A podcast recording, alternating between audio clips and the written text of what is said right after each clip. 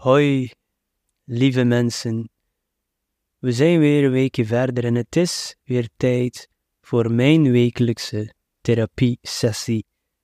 Ik grap, maar soms voelen deze opname-sessies echt zo. Soms lijkt het alsof er een grote last van mijn schouders valt zodra ik de opname stop. En dan hoop ik uiteraard ook dat er toch wat waarde in zit voor de mensen die luisteren. Ik probeer dat toch erin te stoppen. In mijn hoofd lukt dat af en toe. En vorige week heb ik over een algemeen inzicht besproken die ik had tijdens mijn reis naar Zuid-Frankrijk. Het was geen nieuw inzicht, geen openbaring, maar een nieuw perspectief die ik had over de mooie natuur in deze wereld. De essentie ervan, van dat inzicht, is gewoon meer stilstaan bij de mooie dingen van het leven en meer aanwezig zijn in het huidige moment. Iets waar ik heel veel over praat, maar het werkt ook effectief. Om minder met ons hoofd in het verleden of in de toekomst te vertoeven. Want dat is meestal een primaire oorzaak van angsten en stress. En daar kom ik bij het topic van vandaag. Er is namelijk nog iets die me opgevallen is tijdens mijn reis en mijn verlof van bijna drie weken. De reis duurde geen drie weken, maar er waren nog een aantal dagen nadien dat we thuis waren. Tijdens die hele periode heb ik geen enkele keer last gehad van angst en geen enkele paniekaanval gehad. Iets wat de laatste tijd toch weer frequenter gebeurt bij mij had ik al besproken in vorige afleveringen, en uiteraard weet ik wel een stuk van de bron.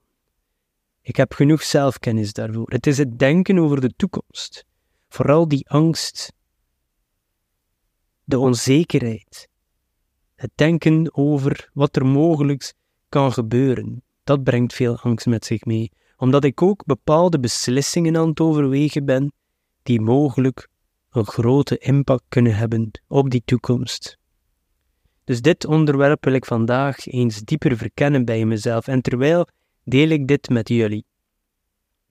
Dit heeft twee redenen, omdat ik straks hoop, wanneer ik op die knop duw om te stoppen met opnemen, dat er weer een gevoel van opluchting komt en ook in de hoop dat als er iemand is die door iets gelijkaardigs gaat of zichzelf hierin kan herkennen, dat het kan helpen en dat die de motivatie en het zelfvertrouwen krijgt om ook stappen te ondernemen in de richting van een droom, van jullie dromen en jullie doelen. Of als je iemand kent die hier ook doorgaat, dat je dit eventueel deelt met hun als jullie in een genereuze bui zijn. Oké, waar begin ik? Want er is heel veel om uit te pakken. Ik zal proberen niets te missen en ik zal proberen heel eerlijk te zijn. Ik denk van mezelf, dat ik heel zelfbewust ben van mijn sterktes, maar misschien nog meer van mijn zwaktes en mijn fouten. De fouten die ik maak, en dat zijn er behoorlijk wat, maar ik weet ook dat ik de capaciteit heb om mezelf hier uit te sleuren en beter te worden dan ervoor. Ik heb het al gedaan en ik ben ervan overtuigd dat deze hindernis ook kan overwonnen worden, hoe moeilijk het ook mag zijn. Maar ik geef toe dat het zelfvertrouwen af en toe wankelt. Dat ik ook in die spiraal raak van niets lukt en waar ben ik mee bezig en waarom geef je gewoon niet op, je bent niet waard, stop er gewoon mee. En sommigen onder jullie zullen nu afvragen, waarover heb jij het nu, Said? Wel, ik preek heel veel in deze podcast en in mijn nieuwsbrief en in mijn YouTube-video's dat je jezelf moet zijn en dat je je dromen moet volgen. En daar sta ik bij en dat doe ik ook. Al die dingen die ik doe, content creëren, schrijven, dat is wat ik graag doe. Creëren zit in mij. Dus voor zover volg ik mijn eigen raad op. Het leven is te kort om shit te doen die je niet graag doet, en daar zit het pijnpunt. We moeten vaak dingen doen die we niet graag doen. Waarom? Om de rekeningen te kunnen betalen op het eind van de maand? Dus het komt neer op geld, iets waar Vlamingen niet graag over praten. Het lijkt soms een taboe om te praten over hoeveel iemand verdient. Een onderwerp waar ze in andere landen schijnbaar minder problemen mee hebben. Maar geld is natuurlijk wel de oorzaak van veel problemen en stressoren. En ze zeggen vaak: geld maakt niet gelukkig of geld lost niet alles op, maar geld zal wel je geldproblemen oplossen.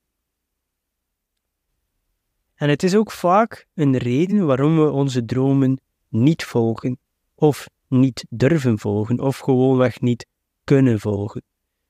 We hebben verplichtingen, rekeningen te betalen. En oké, ik geef ook toe dat ik wat gewoon ben, wat luxe gewoon ben. En misschien zou ik ook wel een aantal zaken kunnen laten vallen, waardoor je maandelijkse lasten naar beneden gaan. Maar we weten allemaal, eens we iets gewoon zijn, is het heel moeilijk om terug te keren, financieel gezien dan. Terugkeren in levensstijl is iets wat de mensen, of de meeste mensen moet ik zeggen, niet bereid zijn om te doen. Zelfs al zouden ze misschien gelukkiger zijn met minder bezittingen, want ze zouden minder stress hebben. Alles hebben wat je wil, lijkt te droom, maar misschien niets willen, dat is misschien de echte droom. Maar daar ben ik zelf ook nog niet. Dus de meeste mensen, en ik denk dat ik daar ook bij hoor op dit moment, misschien met ouder worden dat het nog minder zal worden, de meeste mensen zijn meer bereid om stress te dragen in hun dagelijks leven en ongelukkig te zijn, zolang ze hun levensstijl niet moeten opgeven. Er zijn heel veel miserabele miljonairs in de wereld. En eigenlijk is dat gek als je het zo bekijkt. Ze blijven liever, of we blijven liever, op onze zielzuigende job die hun dood ongelukkig maakt, om in de plaats elke streaming service op de markt te kunnen blijven nemen. En ja, ik praat over mezelf. Want dat is een beetje op het kruispunt dat ik mezelf bevind en ik denk dat heel veel mensen dit ervaren. Maar echt heel veel. Alleen weet ik niet of er luisteraars van deze podcast dat ook ervaren. Misschien zeggen jullie wel, Said, je zit in midlife crisis. Misschien wel. Label het hoe je het wil noemen. Maar ik denk dat er veel mensen hier doorgaan. Mijn publiek is nog intiem. We zijn allemaal vrienden hier. En ik heb al vaak laten vallen dat ik liever enkel zou creëren en de dagjob zou laten vallen. En ik denk dat heel veel schrijvers of online content creators dit zouden willen, maar voor de meesten is dit financieel niet haalbaar, zeker niet in de lage landen. Daar ben ik me heel bewust van. En voor vele van die mensen is dat geen probleem. Zeker als ze hun 9-to-5-job graag doen.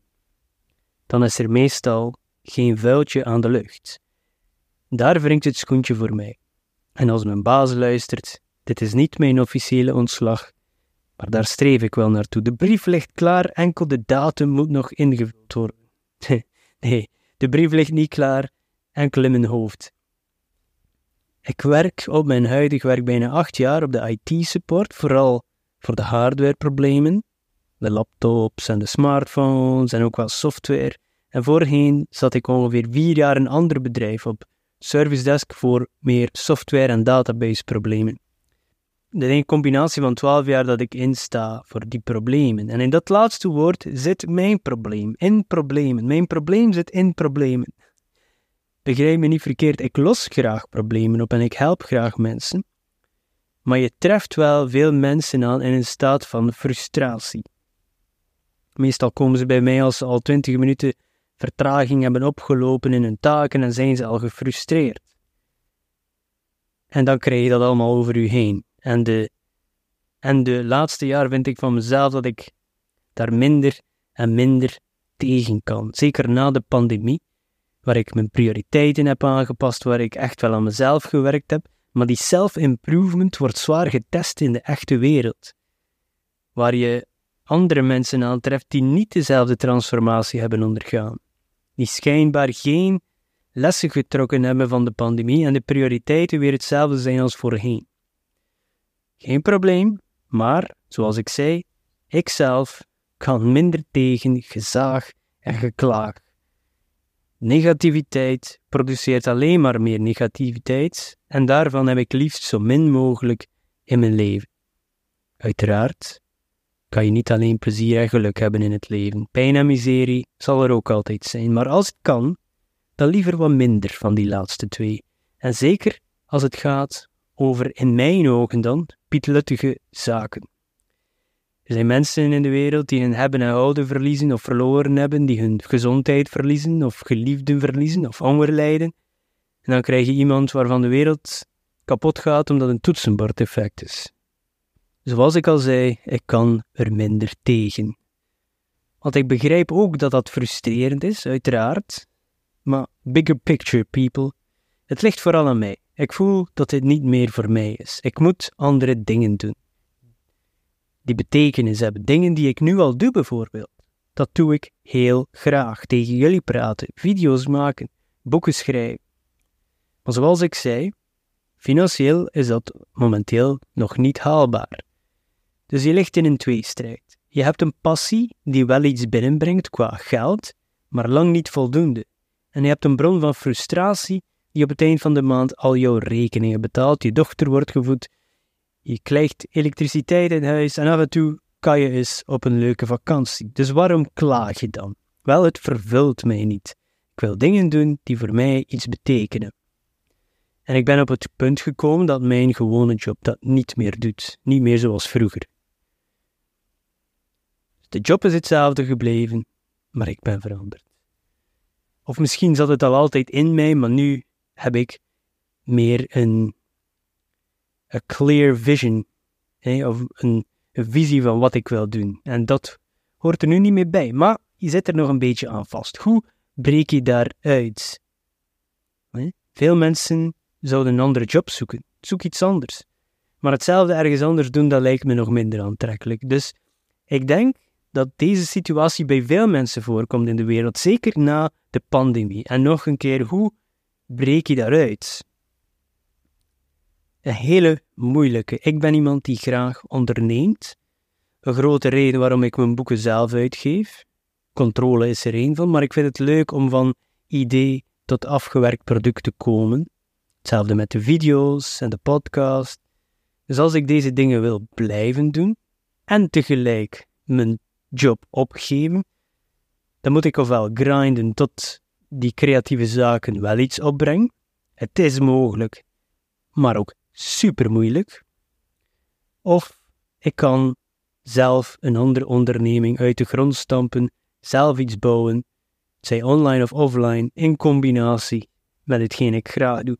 Dan doe ik het tenminste zelf. Dat is iets waar ik naartoe wil meer zelfstandigheid. In het verleden had ik alles in online onderneming gestart, voor ik begon met schrijven, een webshop, uh, om pikante saus te verkopen, hot sauce, alle soorten hot sauce van over heel de wereld. Ik eet al heel mijn leven pikant, hè. Uh, Pakistaanse keuken en andere. En voor mij mag het altijd pikanter zijn. En ik probeerde al die nieuwe sausjes van over heel de wereld, als ik op reis ging of ik bestelde dat online, en toen dacht ik, hé, hey, misschien moet ik dat zelf eens gaan doen. Zelf een webshop starten. Leuk idee. Zeker in die tijd begon het meer mainstream te worden. En met de YouTube-serie Hot Ones, ik weet niet of dat jullie dat kennen. Dat is een, een interviewshow, een beetje een talkshow, waar uh, bekende mensen komen en zij eten kippenvleugels met iedere keer een andere hot sauce op. En elke vraag wordt de saus pikanter en dan zie je ze eigenlijk afzien terwijl ze die vraag proberen te antwoorden. Top idee. En daardoor werd eh, de populariteit van hot ook bekender en bekender. Iets wat ik al jaren deed en opeens werd het mainstream en ik zei, hm, misschien moet ik daar een graantje van meepakken. Maar natuurlijk, dat bestaat niet meer, dus je kan wel inbeelden wat er gebeurd is, maar in het kort, uh, het was de eerste onderneming die ik start. En de marges zaten misschien niet heel super, in Vlaanderen is pikant misschien toch nog iets te pikant, alhoewel het nog steeds groeit aan populariteit. Er was ook competitie in de Benelux, waaronder een hele goede. Nederland staat toch altijd iets verder met de e-commerce. En ik was wel heel trots op de website die ik gebouwd had. En alle systemen die ik eraan gekoppeld had, betaalsystemen en zo verder. En samen met mijn echtgenote ook leveranciers uitgezocht van overal in Europa, vooral UK. al een kleine spoiler alert. En we hebben er heel veel van geleerd. Ik deed ook heel veel op social media, Facebook en Instagram. Ik postte bijna dagelijks over de hot sauces, ons aanbod en maakte ook YouTube-video's met hot sauce reviews en challenges. Ja, die contentcreatie zat er ook bij. Dus we pakten dat wel heel goed aan, volgens mij. Maar kwam na twee jaar de Brexit en veel van onze producten kwamen uit de UK, dus dat was de doossteek op de reeds kleine marges en extra wachttijden. Dat duurde langer om het hier te krijgen. Uh, dus die marges waren dan onbestaande bijna, dus heel veel werk voor iets die bijna niets meer opbracht. En dan moet je ook kunnen zeggen, van, kijk, we hebben het geprobeerd, maar we hebben gefaald. En nu wil ik die kennis gebruiken, dus van de fouten die we gemaakt hebben, om iets anders uit de grond te stampen. En ik ben al wat bezig met andere dingen en zaken aan het onderzoeken die ik mogelijk kan doen, liefst van al online, omdat ik dan niet afhankelijk ben van een vaste plaats, een vaste locatie om vanuit te werken. Maar het is natuurlijk niet simpel in deze tijden. Er is heel veel competitie. De wetgeving in België is ook ingewikkeld rond online zaken. Daar zitten ze ook nog in dinosaurustijden, om het licht uit te drukken. Daarom dat Nederland veel verder staat dan ons in e-commerce. Zij hebben veel vroeger aangepakt. Ze hebben ondertussen heel grote spelers, waar België achterblijft. Wij, wij kopen vooral van Nederland. En we hebben zelf... Ja, ja, kijk, het is wat het is. Nederland, my head off to you. You've done a lot better than us. En, maar nu is ook AI erbij gekomen en dat is iets wat de toekomst heel onvoorspelbaar maakt. Heel gewelddadig, het fluctueert. Je kan vandaag iets opstarten die door AI binnen zes maanden verouderd is of zelfs niet meer nodig is, achterhaald is. Dus in deze tijd zal het belangrijk zijn om heel snel te kunnen schakelen met nieuwe technologieën en up-to-date te blijven van veel dingen die op de markt komen, wat praktisch onmogelijk is. Want elke dag komen er nieuwe AI-tools online met van alle soorten mogelijkheden. Dus een heel tumultueuze tijd die hier aankomt. Um, dat is altijd zo met nieuwe technologieën. Dat was zo met tractor, fabrieken en zo verder. Na een tijd past de mens zich aan en op de lange termijn komt het meestal goed, want er worden dan nieuwe jobs gecreëerd en we vinden dan altijd wel onze weg. Maar die overgangsperiode is voor het individu vaak heel hard. Jobs gaan verloren, schulden worden gecreëerd. Dat zal moeilijk worden. We passen ons altijd aan, maar dat duurt een tijdje. En nu zitten we in die nieuwe fase waar het nog een beetje het wilde westen is. De wetgeving is er niet op voorbereid. Het is een soort van wapenwedstrijd. Wie kan het eerste, het beste technologie creëren? Wat ook heel moeilijk maakt voor de jeugd van nu. Want stel je voor dat je aan het studeren bent om een job te doen die je altijd al had graag gedaan en tegen dat je afgestudeerd bent, is die job overgenomen door een AI. Zal gebeuren nu. Het is moeilijk. Wat moeten we nu nog gaan studeren? De toekomst is heel onzeker. Maar ik wijk te ver af. Dat is iets die uh, helemaal apart kan besproken worden. En ik zeg het, je kan het bespreken de ene week en de tweede week is hetgeen dat je gezegd hebt al niet meer relevant, want het gaat zo snel. Maar ik ben me wel aan het bijscholen in deze zaken en ik stel voor dat iedereen dat doet, want ja, het is beter dat je ervan op de hoogte bent en dat je niet achtergelaten wordt, want het uh, is niet meer te stoppen. Maar ik school me bij en samen met mijn liefde voor ondernemen en mijn motivatie om te slagen, en die laatste is heel groot, dus die combinatie, ja, die zal ervoor zorgen dat ik iets uit de grond stamp. Wat het is, ik kan nog niet te veel zeggen, want ik ga pas mensen raad geven over iets als het effectief ook geslaagd is. Ik geef veel raad over persoonlijke groei, over alcoholisme, verslaving, afvallen, eten. Waarom? Omdat ik al meer dan tien jaar daar met eten bezig ben en sporten. En nu het eindelijk begint te lukken, kan ik de weg korter maken voor andere mensen of toch tips geven die je kan proberen. Iedereen is anders. Niet alle tips zijn op iedereen toepasbaar, maar ik heb er voldoende kennis over en ik heb voldoende zelfvertrouwen om erover te praten. Dit is iets die voor mij ook nieuw is en ik, ja, je neemt geen financieel advies aan van iemand die nog uh, niet uh, financieel heel veel succes heeft bereikt. Op internet zijn er genoeg van die mensen die dat wel doen, zelfs al kennen ze er niks van. Dus daarbij moet je wel opletten.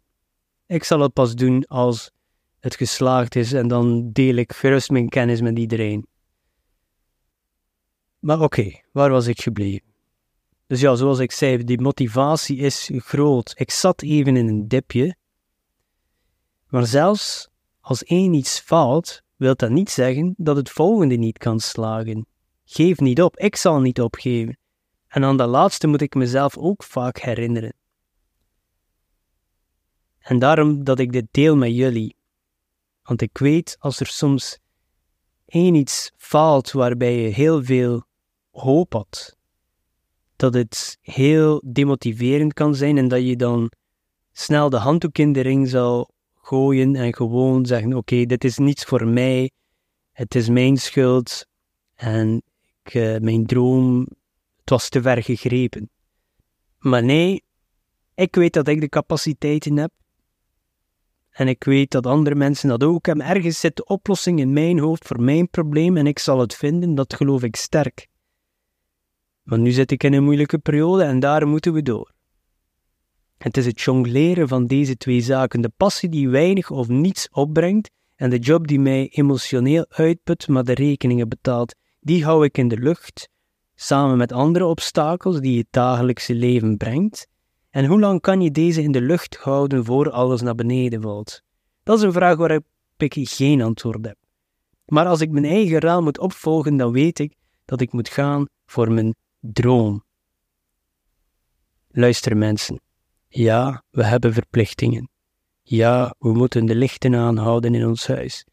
Maar zijn we het onszelf niet verplicht om onze passie en dromen na te gaan, om onszelf te zijn? In twee of drie generaties zijn wij allemaal vergeten. Wie zal het nog herinneren dat Said zijn dagjob heeft opgegeven om onnozele dingen te gaan doen op het internet? Niemand. Nobody will care. Dus waarom niet gaan voor wat je wil? Dit is ons leven. En we hebben er maar eentje. En ik weiger om dit te spenderen in een hokje waar ik ongewild ingeduwd word. Vrijheid is waar ik naartoe op zoek ben. Vrijheid om mezelf te zijn. Volledige vrijheid is waarschijnlijk niet mogelijk, dat besef ik. Maar ik kom toch een stukje opeisen. Watch me. En nu voel ik de grote zucht opkomen. Dit helpt. Ik weet niet of iemand anders helpt. Al is het maar om aan te tonen dat we allemaal door worstelingen gaan. Ook de persoon die raad geeft. Van raad geven is makkelijker dan het zelf opvolgen. Moest ik alle raad die ik geef letterlijk zelf kunnen opvolgen, wel, dan was het al geklaard en geklonken. Of wat is dat spreekwoord weer? of heb ik hier een spreekwoord uitgevonden die niet bestaat? Dan was het al in kannen en kruiken, dat zeggen we hier ook vaak. Maar dat gaat niet, natuurlijk, dat lukt niet altijd. Maar het is belangrijk om niet op te geven. En ja, ik zeg het veel, maar dit is ook ik die toon naar jullie dat ik niet alleen preek, I talk the talk, but I also walk the fucking walk. En ik zweer dat ik al hetere vuren doorstaan heb, diepere wateren doorzwommen heb en uit donkere putten geklommen heb. En daar zijn ook zeker nog verhalen over te vertellen. Maar de enige garantie van falen is opgeven. En nu zeg ik dat hier tegen jullie, maar ik zeg het ook tegelijkertijd tegen mezelf. Hierbij zal ik het laten. Dank jullie wel voor het luisteren naar uh, mijn zelfverklaarde self-therapy session. Ik kan niet genoeg zeggen hoezeer ik het apprecieer dat jullie hiervoor de tijd nemen, want ik besef hoe kostbaar die is. En ik wil het zeker niet verspillen. Nog een fijne dag, mensen. Wees niet te streng voor jezelf. Af en toe streng zijn mag, maar maak jezelf niet kapot erdoor. Geloof me, ik heb het vaak genoeg gedaan. Het is iets waar ik altijd waakzaam voor moet zijn. Maar vandaag voelt het goed. Ik hoop voor jou ook. Tot volgende week.